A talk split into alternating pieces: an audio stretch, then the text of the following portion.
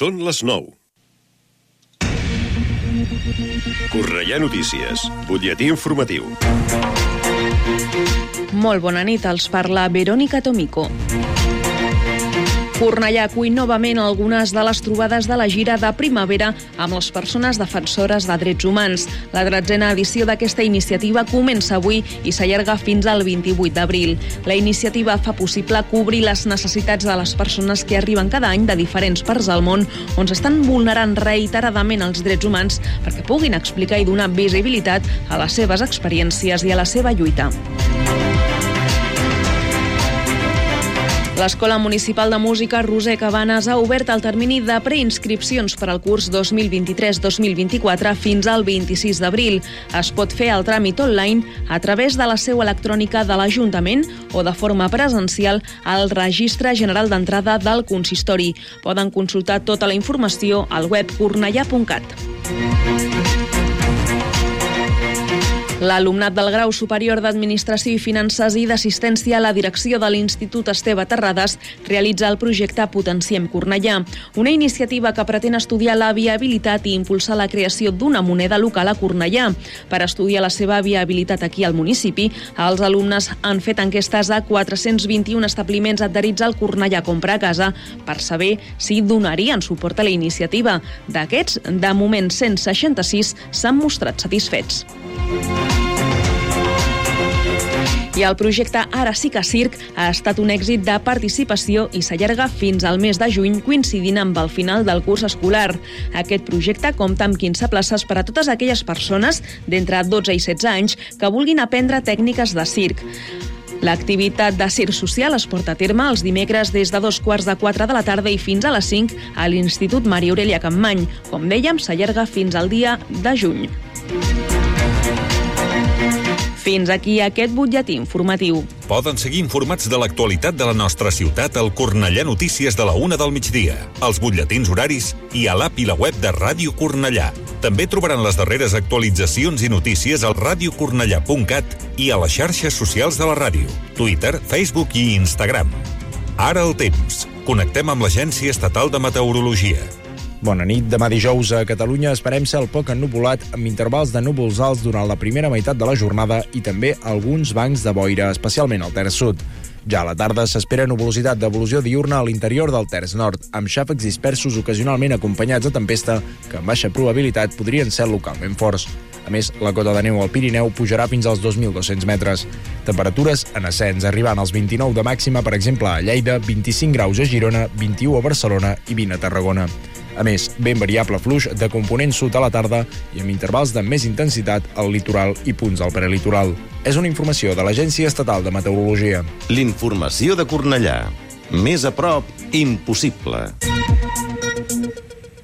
Ràdio Cornellà, 104.6 FM.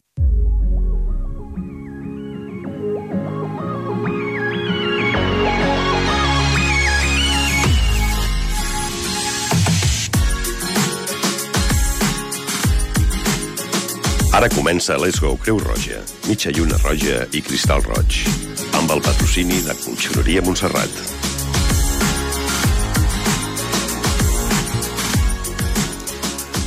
...21 hores 3 minuts, comencem una setmana més. Avui, avui 19 d'abril de 2023, per recordar la data, perquè a ningú se li oblidi. Bona nit, Rosa Maria Pastor, què tal, Hola. com estàs? Bona nit, aquí bé? estem. Tot bé? Molt. Tot bé. Marc Fort, que està allà entre cables i més cables, allà tocant el tema i controlant el tema. I nosaltres avui començarem per parlar de... Eh, una segona part, perquè la setmana passada vam parlar de l'autocuidado, l'autocura d'una mateixa persona, o sigui, la necessitat de que ens cuidem a nosaltres mateixos, és una preocupació de Creu Roja eh, i nosaltres la, la, destacarem, la, destaca, la destacarem i la difondrem aquí en aquest programa. Parlarem també de la soledat, o la solitud, bones pràctiques contra la soledat dels joves. Sempre estem acostumats a sentir que la soledat no desitjada és d'alguna manera una situació mm, perillosa per la salut mm, de la gent gran, però és perillosa per la salut de tots perquè, tot i que pensem que la soledat de, dels joves no és certa, Ho és i cada vegada més, perquè les tendències, els hàbits i una sèrie de qüestions són molt importants que avui les destacarem mica en mica i en altres programes també. Drets, parlarem de drets. La nostra companya, Rosa eh, Mayalem Mayalem Prieto. Prieto, eh, ens parlarà del, de la llei de la família i ja veureu que és un tema també en el qual parla, i havíem recordat altres programes anteriors, sobre la conciliació familiar, que és molt important perquè eh, d'alguna manera marca la situació de relació entre, les, a la, entre la família. Eh, El temps de, del dia és el que és, hem de dedicar temps a treballar perquè hem de guanyar eh, les garrofes no? i els Obligat. cigrons obligats.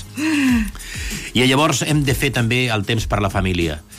Eh, hi han eh, obstacles per tenir temps de família. Hi han obstacles importants. Per exemple, aquests aparells eh, que portem tots a la butxaca eh, és un obstacle per tenir relacions familiars. També hem parlat alguna vegada d'això.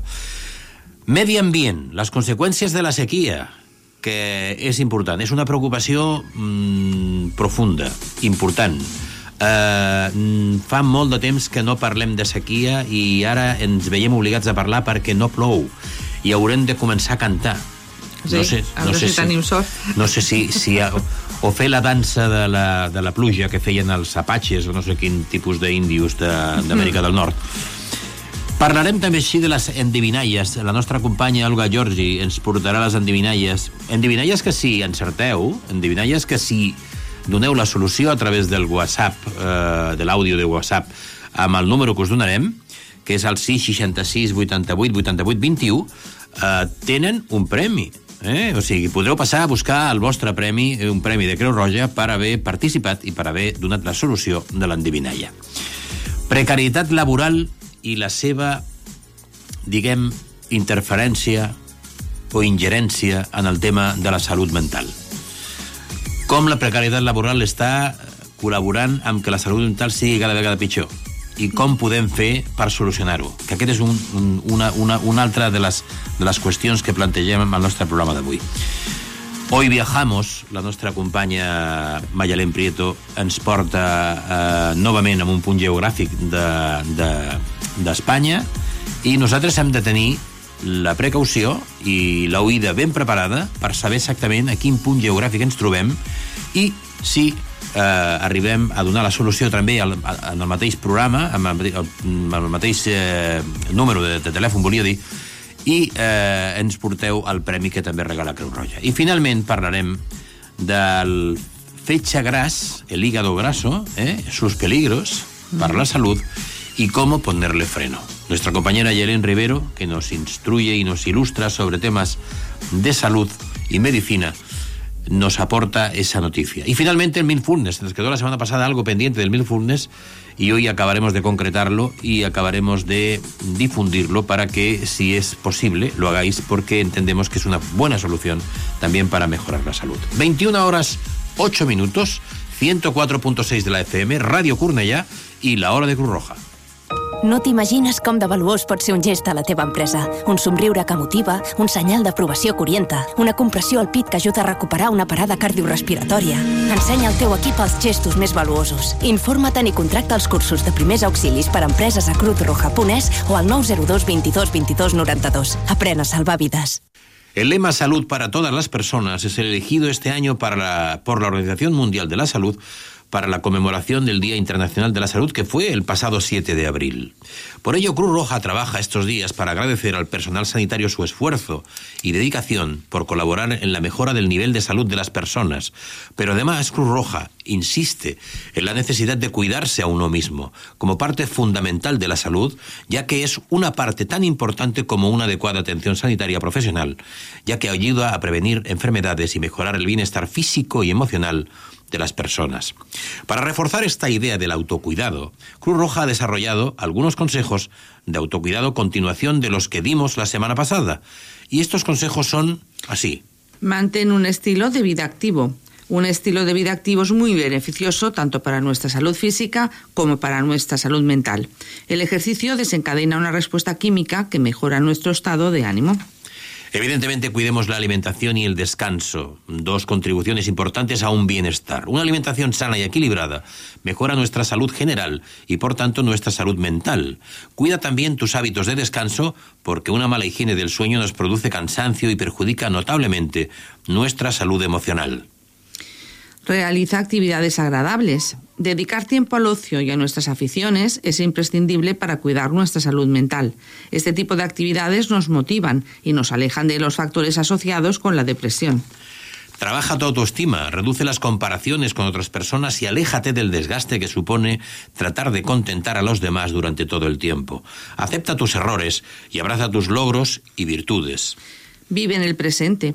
Vivir mentalmente en el pasado o en el futuro solo nos crea malestar psicológico. Aléjate de las preocupaciones irracionales y trata de aprender a vivir con la incertidumbre y a desarrollar una actitud positiva frente al cambio. Motívate. Los, pro, los, propós los, propósitos vitales repercuten muy positivamente en nuestra salud mental. Es importante que los objetivos que nos marquemos sean realistas y alcanzables para evitar frustraciones innecesarias. Desarrolla tu inteligencia emocional. Una de las vías para alcanzar un equilibrio psicológico es mediante la adecuada gestión emocional. Aprende a identificar qué emociones sentimos, cómo las expresamos y regulamos. Y es fundamental para prevenir la depresión. Ansiedad, insomnio, depresión. Llamar a las cosas por su nombre es de valientes. Pedir ayuda, si lo necesitas, también. Cruz Roja te escucha. Llámanos 900-107-917.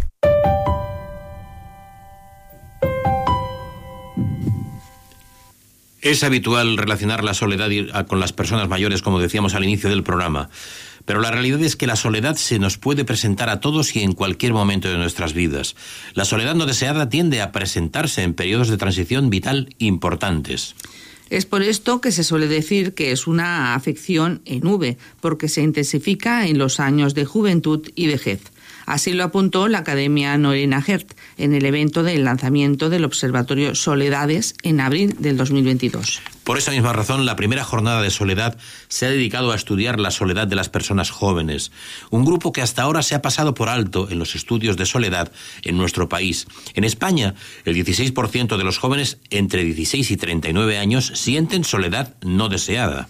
Un dato sorprendente extraído del informe de percepción social de la soledad no deseada, impulsado por el Observatorio Estatal de la Soledad no deseada, Soledades, y amplificado por el primer informe sobre soledad no deseada publicado por la Cruz Roja de Cataluña, en el que se apunta a que el 80% de la juventud catalana siente soledad en algún grado. El 22% de las personas encuestadas entre 18 y 19 años dice sufrir soledad severa en un 14,56% o muy severa que es el 7,59%. Cuando se trata de pedir ayuda, el 61% de las personas jóvenes creen que la soledad está estigmatizada, de acuerdo con el informe Young People and the Loneline's Pandemic, la juventud y la pandemia de la soledad, realizado en 2021 en el Reino Unido con jóvenes entre 16 y 25 años. En el caso de la soledad no deseada, en el que la detención, detección en la propia persona es compleja, el silencio autoimpuesto la dificulta aún más. Por ello, la desestigmatización de la soledad no deseada es una necesidad.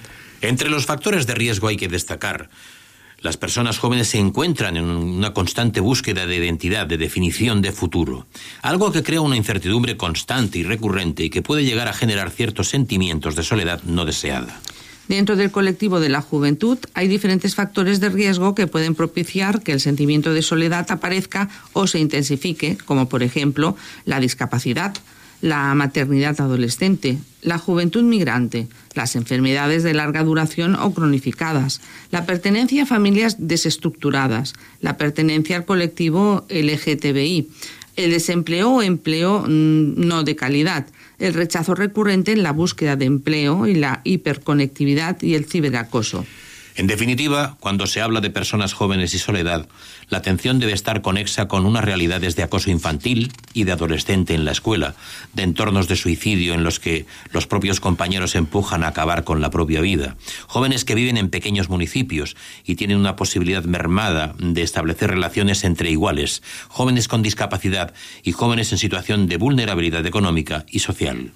La recomendación de las experiencias invitadas al Seminario de Juventud y Soledad es abordar las situaciones de soledad de las personas jóvenes con un lenguaje que comunique en positivo. Es decir, en lugar de preguntar si una persona se siente sola, ofrecer consejos para profundizar en las relaciones que se perciben como superficiales o recomendar algunos trucos para desarrollar las habilidades sociales. De esta manera se puede trabajar la gestión de las emociones desde el empoderamiento, evitando que aparezcan sentimientos como vergüenza o remordimiento. Dotar a las personas jóvenes de herramientas contra la soledad es uno de los elementos centrales de las iniciativas dirigidas a este grupo de edad. En este caso, aplica el dicho la experiencia es un grado, mientras que las personas mayores cuentan con toda una serie de vivencias de las que extraer aprendizajes, las personas jóvenes enfrentan la soledad desde la inexperiencia vital. Por ello, las iniciativas de educación emocional, desarrollo de habilidades sociales proporcionan aprendizajes que contribuyen a una mejora de la resiliencia ante la soledad. En este aspecto también son de utilidad las iniciativas de convivencia intergeneracional, que proporcionan un espacio de generación de un nuevo hogar con una persona desconocida en una situación vital lejana, pero en una situación similar. A través del acompañamiento mutuo, frente a la soledad, se da pie a la creación de vínculos que permitan la transmisión de aprendizajes y herramientas frente a la soledad entre jóvenes y mayores, proporcionando un vínculo profundo y significativo entre dos personas que, de otro modo, no se habrían conocido.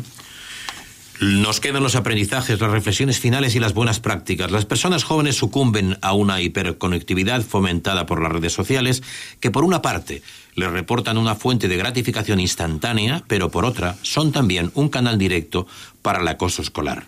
Se deben poner en marcha programas dirigidos específicamente a personas jóvenes, como se hace en Países Bajos, a través de las Joint Us, una entidad dirigida a la soledad de la juventud. En España hay un camino por recorrer en este sentido. La soledad no deseada se identifica tradicionalmente como una afección que afecta a las personas mayores, pero la juventud también es uno de los colectivos más afectados. En los primeros meses de la pandemia, el porcentaje de jóvenes entre 18 y 25 años en soledad aumentó del 9% al 35%. Los adultos jóvenes eran el grupo más solitario, eh, con niveles incluso más altos que los que representaban las personas mayores antes de la pandemia. La población joven no estudia, que no estudia ni trabaja tiene un mayor riesgo de sufrir soledad, dada su situación de vulnerabilidad ante una etapa de grandes cambios vitales en la que hay que tomar decisiones importantes. El 61% de las personas jóvenes creen que la soledad está estigmatizada. Cuando se trata de la soledad no deseada, las personas jóvenes tienen una alta predisposición a participar en actividades destinadas a paliar la soledad. Sin embargo, estas mismas personas dicen sentir vergüenza al pensar en pedir ayuda a otros o de reconocer su propia soledad. Cuando se trata de abordar las situaciones de soledad de las personas jóvenes, es recomendable emplear un lenguaje positivo, evitando los juicios o valoraciones. Las iniciativas intergeneracionales proporcionan un espacio de generación de vínculos únicos entre personas que de otra manera no se hubiesen conocido, a pesar de vivir un sentimiento parecido. Oh,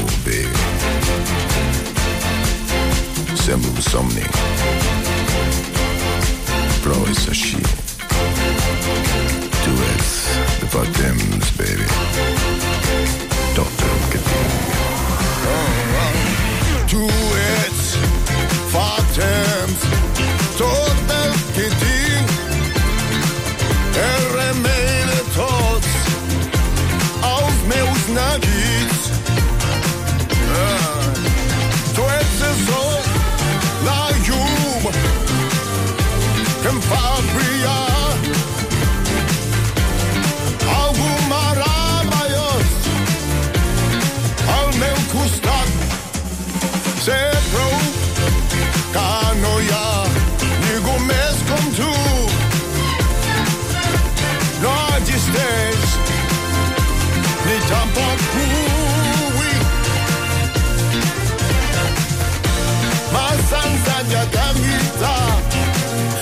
Isha Carmen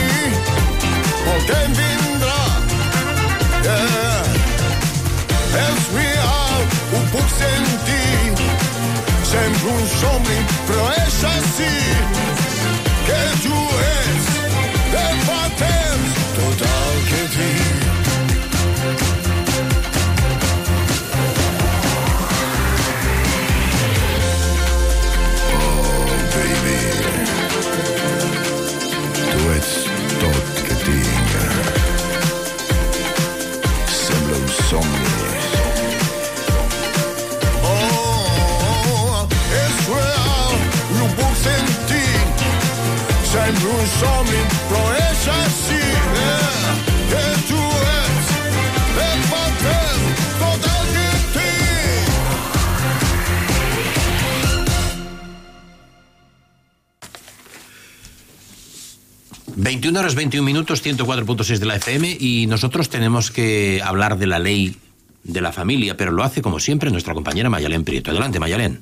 Hoy queremos daros a conocer la existencia de una nueva ley.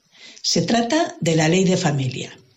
Esta nueva ley ha sido aprobada y se encuentra a la espera de ser tramitada. Como es sabido, muchas familias se encuentran ante serias dificultades para atender a las responsabilidades laborales y, al mismo tiempo, poder atender debidamente al cuidado de sus hijos. Pues bien, la ley de familia tiene como finalidad reconocer la diversidad de situaciones familiares existentes en la actualidad y pretende abordar las barreras en la conciliación laboral y en la crianza a la que se enfrentan las familias. ¿Cuáles son las claves en las que se estructura la nueva ley de familia? El texto se estructura en torno a cuatro pilares principales, como son la ampliación de la protección social a las familias y el apoyo a la crianza, avanzar en la garantía del derecho a la conciliación, Asimismo, el pleno reconocimiento de los distintos tipos de familias que ya existen en España y el reconocimiento y protección de los derechos de los niños y adolescentes. En cuanto a la ampliación de la protección social a las familias, se extenderá la renta crianza para más familias. Entre las medidas recogidas figura la extensión de la renta crianza de 100 euros al mes a un mayor número de familias con hijos e hijas de 0 a 3 años. Podrán ser beneficiarias, entre otras, las madres que estén percibiendo una prestación por desempleo, contributiva o no, y las que tengan un empleo a tiempo parcial o temporal. Parece ser que de estas medidas se podrán beneficiar entre 200.000 y 250.000 familias aproximadamente. Asimismo, se crea la denominación de familias con mayores necesidades de apoyo a la crianza, en la que se incluye a las familias numerosas, además de las monoparentales con dos hijos, las familias con dos hijos donde un ascendiente o descendiente tenga discapacidad. También las familias con dos hijos encabezadas por una víctima de violencia de género o por un cónyuge que haya obtenido la guardia y custodia exclusiva sin derecho a pensión de alimentos. Y, asimismo, las familias con dos hijos en las que un progenitor esté en tratamiento hospitalario durante un año o haya ingresado en prisión. Por otro lado, pasarán a considerarse familias con mayores necesidades de apoyo a la crianza de categoría especial hay que recalcar, las familias que hasta ahora eran consideradas numerosas de categoría general, como aquellas con cuatro hijos, en vez de cinco como hasta el momento. Las familias con tres hijos en caso de parto múltiple, en vez de cuatro como en la actualidad. Y las familias con tres hijos y, bajo, y bajos ingresos, hasta el 150% del IPREM. ¿Qué es el IPRM? Es el indicador público de renta de efectos múltiples que eh, en realidad es un índice empleado en España como referencia para la concesión de ayudas, subvenciones o el subsidio de desempleo. Los nuevos permisos para conciliación y cuidados también se amplían. La norma crea tres permisos de cuidados. Uno de cinco días al año retribuidos, eh, para atender a un familiar hasta segundo grado o a un conviviente con o sin relación de parentesco. Un permiso parental de ocho semanas que podrá disfrutarse de manera continua o discontinua y a tiempo parcial o completo hasta que el menor cumpla ocho años y un permiso por ausencia por fuerza mayor familiar que será de cuatro días retribuidos al año. En referencia al reconocimiento jurídico de los distintos tipos de familia, esta nueva ley equiparará los derechos entre los matrimonios y las parejas de hecho. El año pasado, y ya informamos de esto, se reformó la pensión de viudedad para incluir a las parejas de hecho y ahora, con esta nueva ley, éstas podrán también disfrutar de 15 días de permiso cuando se constituyan. Por otro lado, la ley general generará un nuevo marco de reconocimiento y protección para las familias LGTBI, para las que tengan algún miembro con discapacidad y para las múltiples adoptivas o acogedoras. Aquí os hemos hecho un pequeño resumen de esta nueva ley para que tengáis conocimiento de su existencia, aunque para conocerla más detalladamente siempre es conveniente ir a la fuente, en este caso a la propia ley.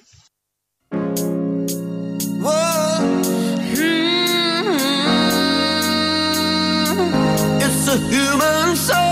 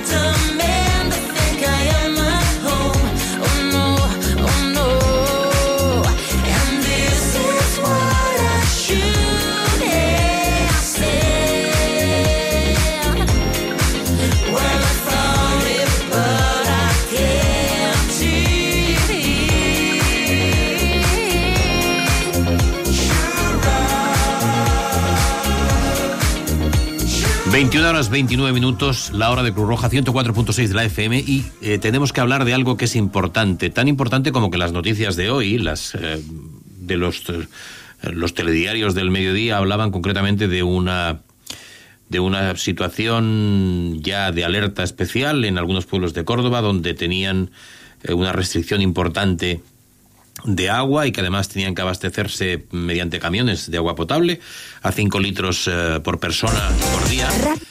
Y esta situación era derivada concretamente de que al parecer el agua que hay en los pantanos está en ya no demasiadas buenas condiciones y entonces ya no había perdido la potabilidad. Y eso es un problema grave, porque los que estamos aún en, en lugares o puntos geográficos en los cuales eh, tenemos agua abundante, cuando nos metemos en la ducha o cuando abrimos el grifo para hacer cualquier cosa en casa, no nos acordamos de cerrarlo y hemos de empezar a mentalizarnos que el agua es un bien escaso y lo será aún más si seguimos manteniendo este criterio. En el año 2022 eh, fue uno de los más secos en la historia de España, desde, dice la prensa, desde 1961 aproximadamente. Pero es que este 2023 podrías incluso superarlo. Según datos recogidos en el 2022, se acumularon 473 litros por metro cuadrado, cuando la media es de unos 635 litros por metro cuadrado de lluvia caída durante el ejercicio, lo que responde a un 26% menos. Pero esta sequía, ¿qué consecuencias tiene? Muchos conocemos las consecuencias más comunes como los daños al hábitat, migraciones de seres humanos y animales, hambruna debido a la escasez de alimentos, deshidratación y enfermedades, entre otras. Quizás no sabías, al menos yo no me había puesto a pensar en esto más detenidamente, aunque tiene toda la lógica del mundo que la sequía afecta directamente a la producción de leche y de cerveza. Una vaca, para poder producir leche, necesita una media de 100 litros de agua al día. Esto, sumado al encarecimiento de los precios que ha provocado el cierre de algunas granjas en España, obliga a importar leche de otros países de Europa, los cuales muchos también se ven afectados por la escasez de agua.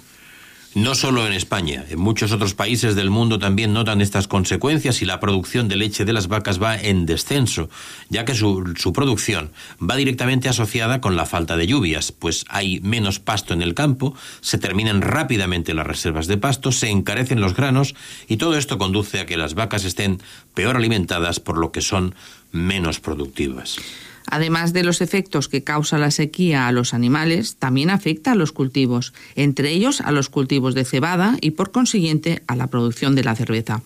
La cebada, uno de los principales componentes de la cerveza, también puede verse perjudicado en épocas de sequía. La producción de cerveza necesita grandes cantidades de agua. Para producir un litro de cerveza se necesita unos 155 litros de agua aproximadamente. En algunos países, como México, en alguna ocasión se ha decretado la paralización de la producción de cerveza. Actualmente el problema de la sequía en España es preocupante y está teniendo consecuencias. Así lo corrobora el informe del Ministerio de la Transición Ecológica y del Reto Demográfico actualizado a 31 de octubre de 2022, pero esa información que viene de esa fecha, 31 de octubre de 2022, ha empeorado en el transcurso del tiempo hasta el 19 de abril de 2023 y ha, y ha empeorado de forma importante porque no vienen lluvias y estamos llegando a situaciones extremas que algunos otros países no tienen, pero que en España, por su ubicación geográfica, mm. el punto, eh, digamos, mediterráneo, etcétera, etcétera, y su situación especial, eh, nos hace estar faltos de ese bien preciado que es el agua. Instemos, mm, nos mentalicemos, utilicemos el agua debidamente y, sabremos por lo menos que eh, estamos ganando un tiempo importante y una batalla importante a la situación que deberemos de abordar y deberemos de intentar mmm, pasar de la manera menos mmm, nociva posible para la salud. 21 horas 34 minutos y estamos uh, en el punto horario de hablar de las adivinanzas de nuestra compañera Olga Giorgi, que como sabéis cada semana nos uh, ilustra con determinadas adivinanzas. Escuchemos la de la semana anterior. Un platito de avellanas que de día se recogen y de noche se desparraman. Un platito de avellanas que de día se recogen y de noche se desparraman. La solución Si de día se recogen y de, y de noche se desparraman, quiere decir que tienen algo que ver con el día y con la noche. Y la solución era las estrellas.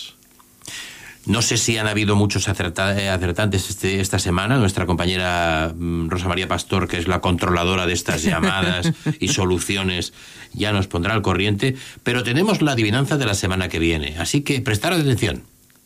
Siempre andamos por el suelo de alcobas o de salones.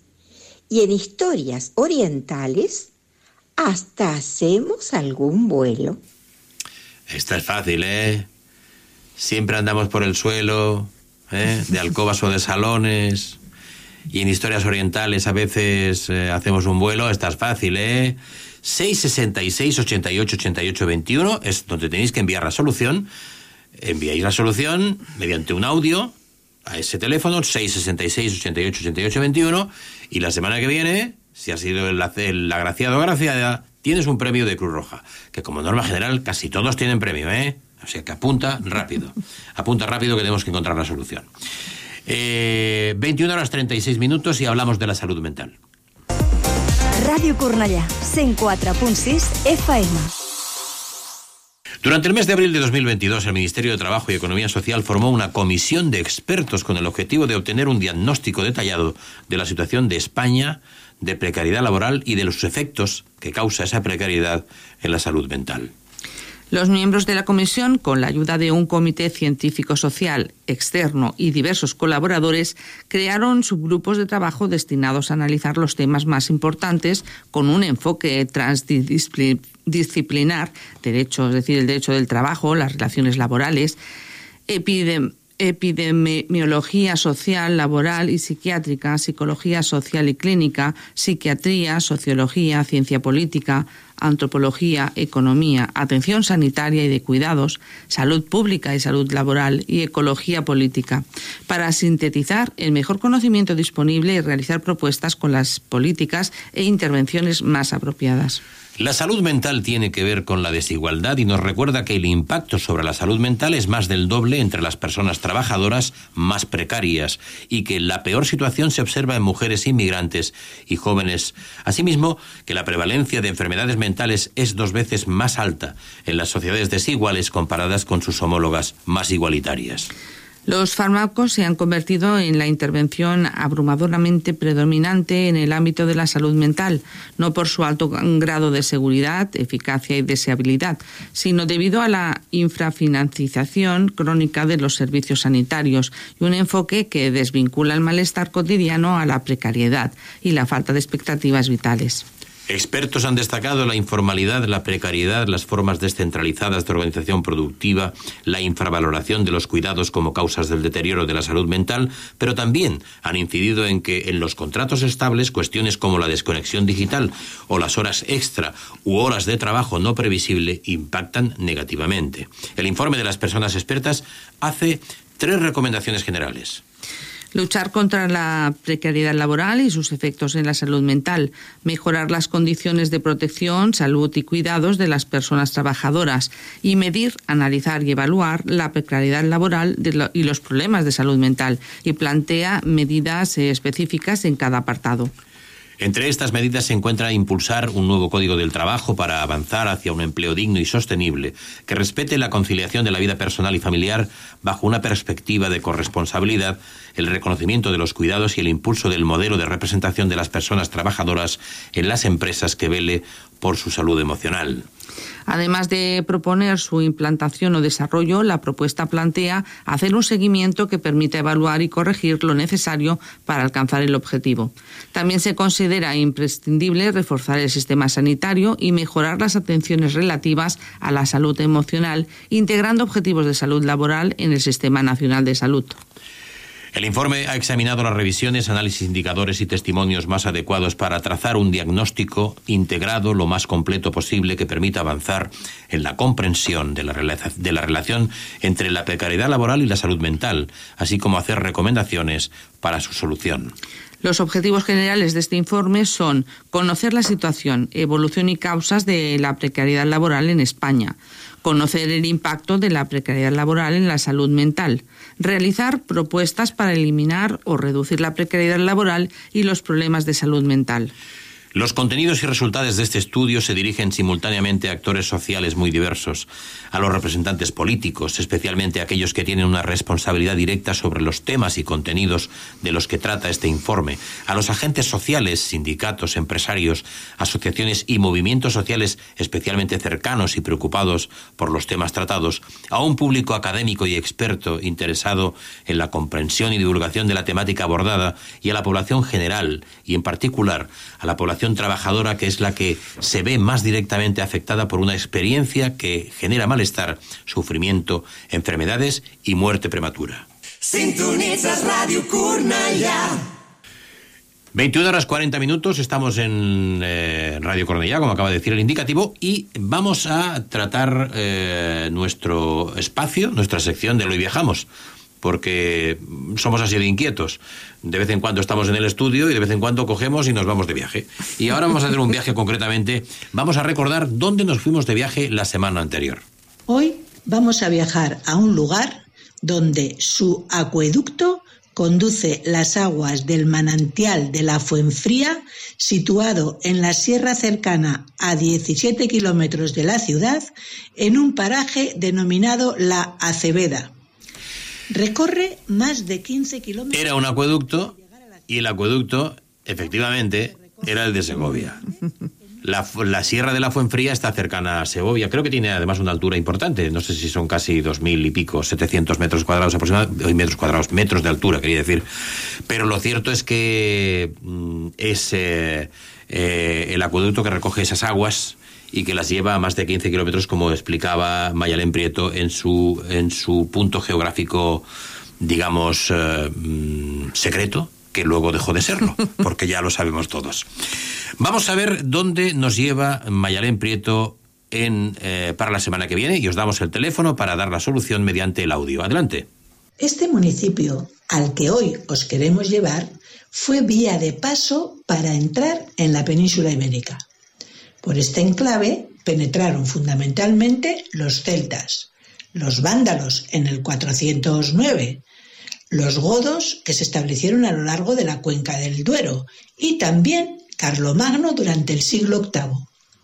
Carlomagno, dado que fue derrotado en Zaragoza, decidió, camino de vuelta a su reino, reducir a ruinas la capital de los vascones, Pamplona. Fue al regreso en los Pirineos donde hubo de sufrir una contundente emboscada por partidas de nativos vascones, a los que les resultó fácil provocar un descalabro general a base de lanzar rocas y dardos. El Cantar de Roldán, escrita en algún lugar de Francia hacia finales del siglo XI, concibió el desastre. Este lugar sirvió como camino de entrada para los primeros peregrinos y hoy en día sigue siendo el inicio del recorrido de muchos peregrinos hacia el Camino de Santiago. Se trata del llamado Camino de Santiago francés. ¿De qué municipio se trata? ¿En qué comunidad se encuentra? Si dais con el resultado, llamar al teléfono que se os indicará. Como habéis podido escuchar, nuestra compañera no solamente nos lleva de vacaciones a un sitio uh -huh. geográfico concreto, sino que además nos ilustra sobre la historia y nos dice que allí, en aquel punto, hubo una especie de emboscada, porque además es un valle angosto, y hubo una especie de emboscada en la que recibieron a Carlomagno a pedradas, así de sencillo, a pedrada limpia, y con dardos. La solución, la solución la tenéis que enviar al 666 88 88 21, ya sabéis, no quiero quedarme sin voz, no, la recupero. Y, y ya sabéis que eh, tenéis un premio, un premio de Cruz Roja. Por lo tanto, 666 88 88 21, un audio y tenemos eh, premio para todos. Sota de l'ombra gris d'una muntanya fa vent sense permís d'un altre riu alimentant el mostro de la ràbia no anem piques qui ve a la teva terra profanada que pitja la ciutat sense permís qui troba del carrer les teves coses, les enemiques. Uh si aquests idiotes sabessin que jo sóc l'home més ric de la terra així dins les teves abraçades oblidaven que l'home no és més que un home les teves mans de bandera que tinc com a frontera una cançó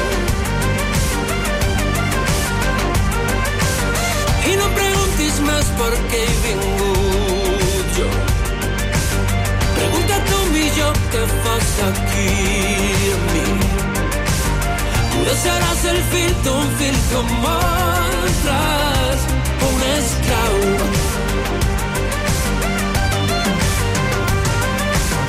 i parlar-li de front a l'enemic i parlar-li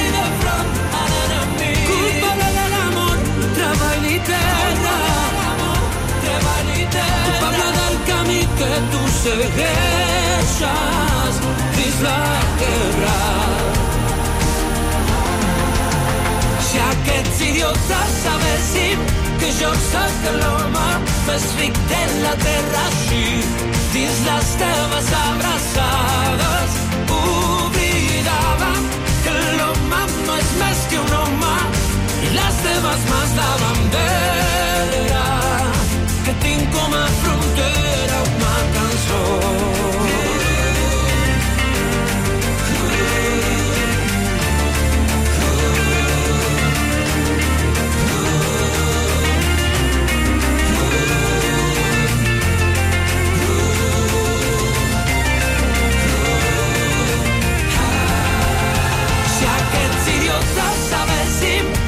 Sotto l'uomo per svittella terra sci Ti slastava savrà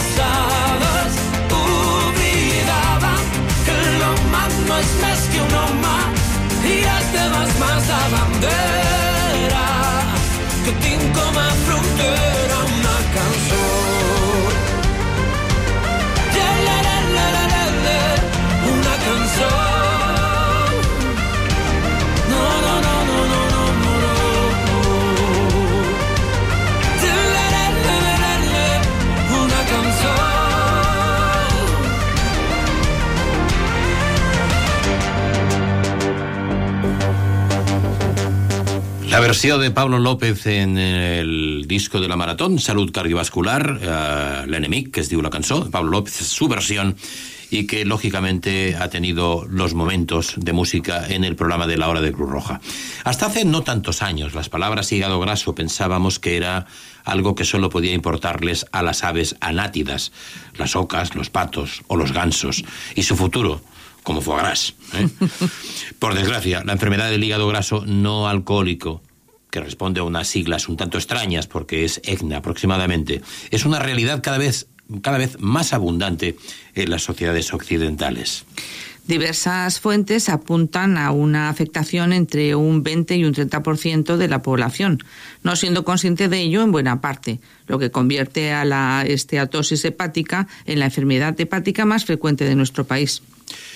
El drama está en que no se conocen las causas directas, salvo cuando hablamos del hígado graso alcohólico, y tampoco tiene una farmacoterapia clara, más allá de que se nos aconsejen ciertos patrones de buen comportamiento que serían extrapolables a cualquier otra recomendación sana, esto es, comer más equilibrado, no consumir tóxicos y hacer ejercicio de forma moderada. Lo que sí es cierto es que el EGNA o hígado graso suele venir asociado a varias enfermedades que también siguen en aumento en países como España y en todo Occidente. En la lista de los factores de riesgo aparecen la diabetes, un nivel elevado de triglicéridos o de colesterol alto, el sobrepeso, la hipertensión y además otros factores menos vinculados a la dieta y al sedentarismo, como pueden ser la apnea del sueño o el hipotiroidismo. El problema es que el hígado graso es una enfermedad silenciosa.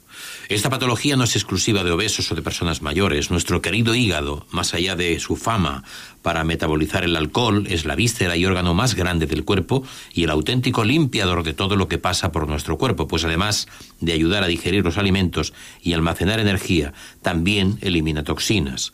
Cuando se convierte en un hígado graso, lo que sucede es algo tan simple como se acumulan grasas, triglicéridos, en el interior de las células hepáticas, que si se complica puede empezar a causar inflamación y daños en las células hepáticas. Cuando esto se produce, nuestro cuerpo se ve obligado a redoblar los esfuerzos en regenerar estas células con más velocidad.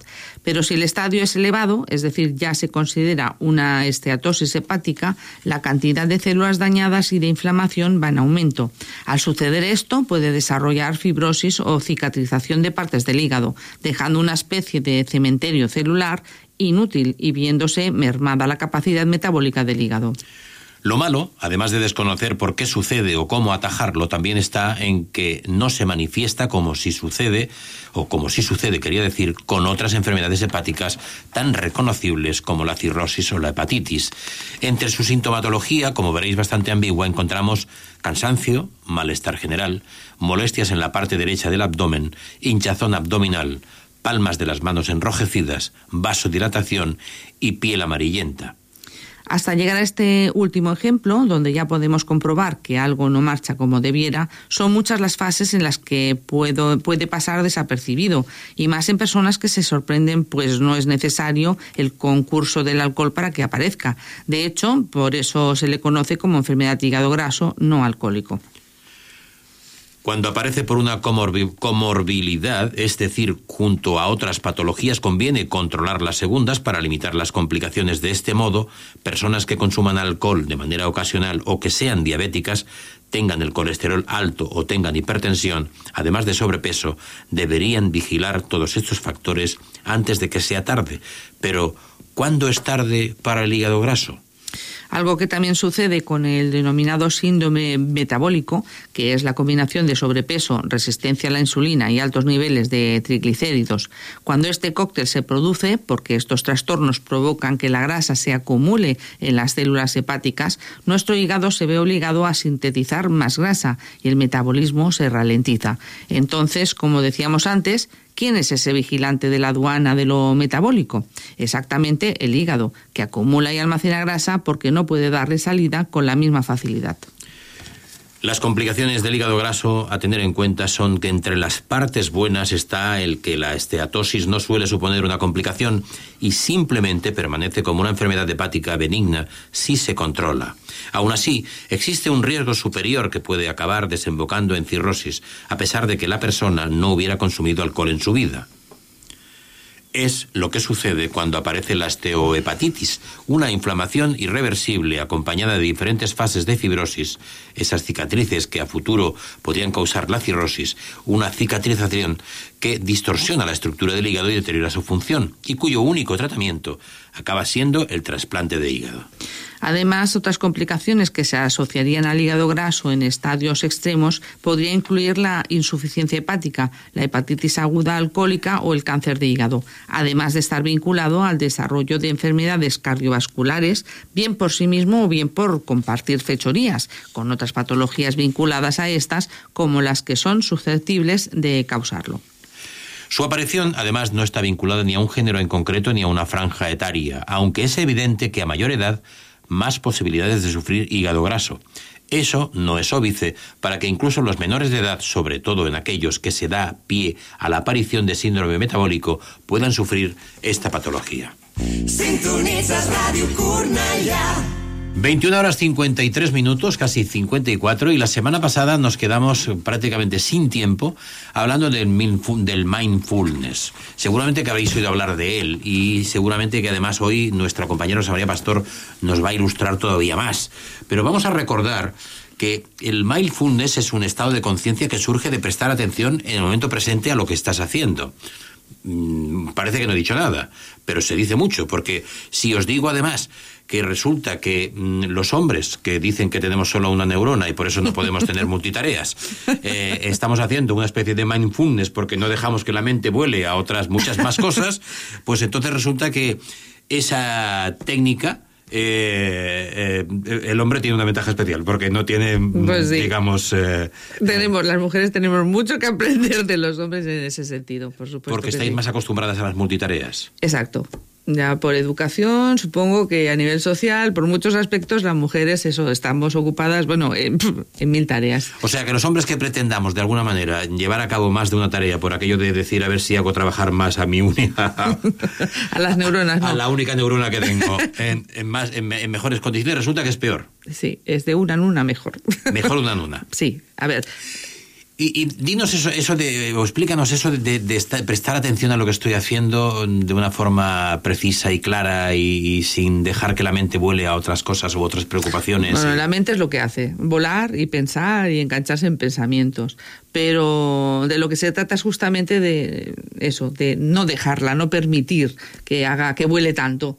Porque si vuela nos distraemos, entonces perdemos la conciencia de lo que estamos haciendo. Entonces dejas de tener el control. Y lo que nos interesa es entrenar a la mente para estar y vivir realmente el presente. Es decir, Pero para introducirse en esta práctica o esta técnica especial de concentración, eh, eh, ¿qué podríamos decirle a los oyentes? ¿Qué, qué- qué sistema podría ser un primer... ¿Cómo lo puede empezar a demostrar o, o a comprobar, mejor dicho? ¿Cómo puede empezar a, a comprobar eh, esa especie de prestar atención en un momento concreto a lo que estás haciendo? Porque, porque, porque todo el mundo piensa que está prestando atención a todo lo que está haciendo. No, no es cierto. no es cierto. Que va, que va. No, so- eh, además es que eh, se hace inconscientemente. No somos realmente conscientes de que cómo piensa nuestra mente, piensa un montón. Y encima no nos damos cuenta.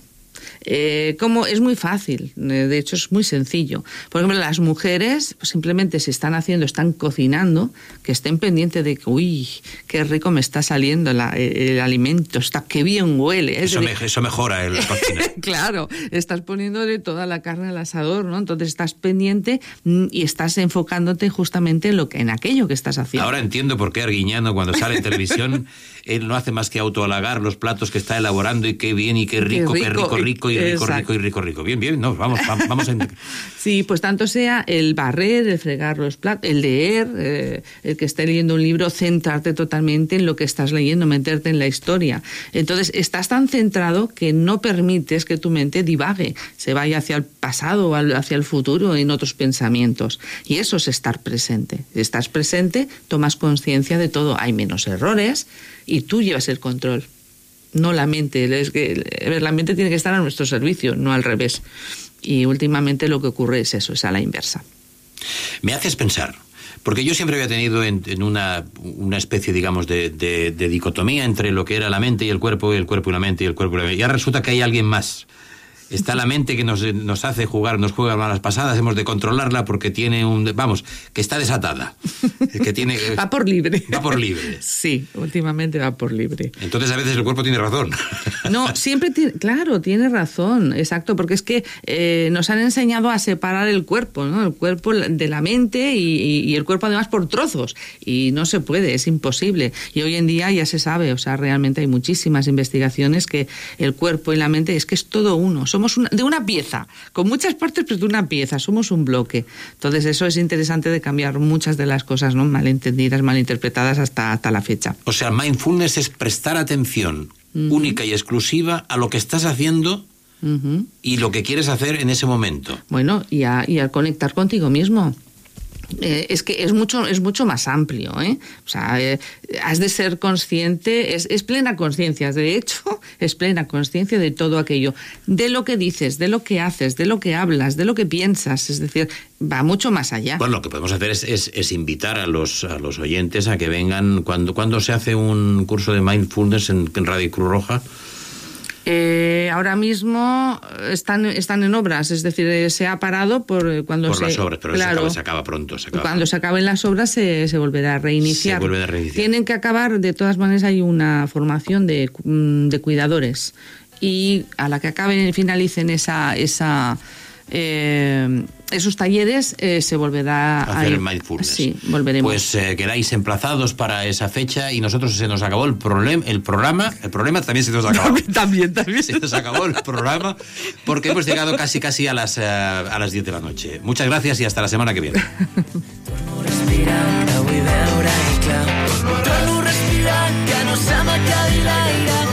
respira, que vull veure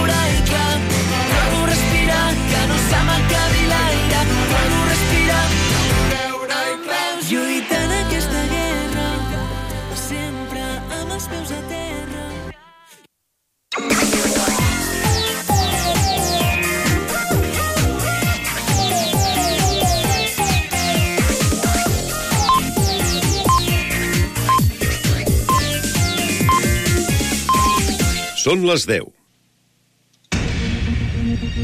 Correia Notícies, butlletí informatiu.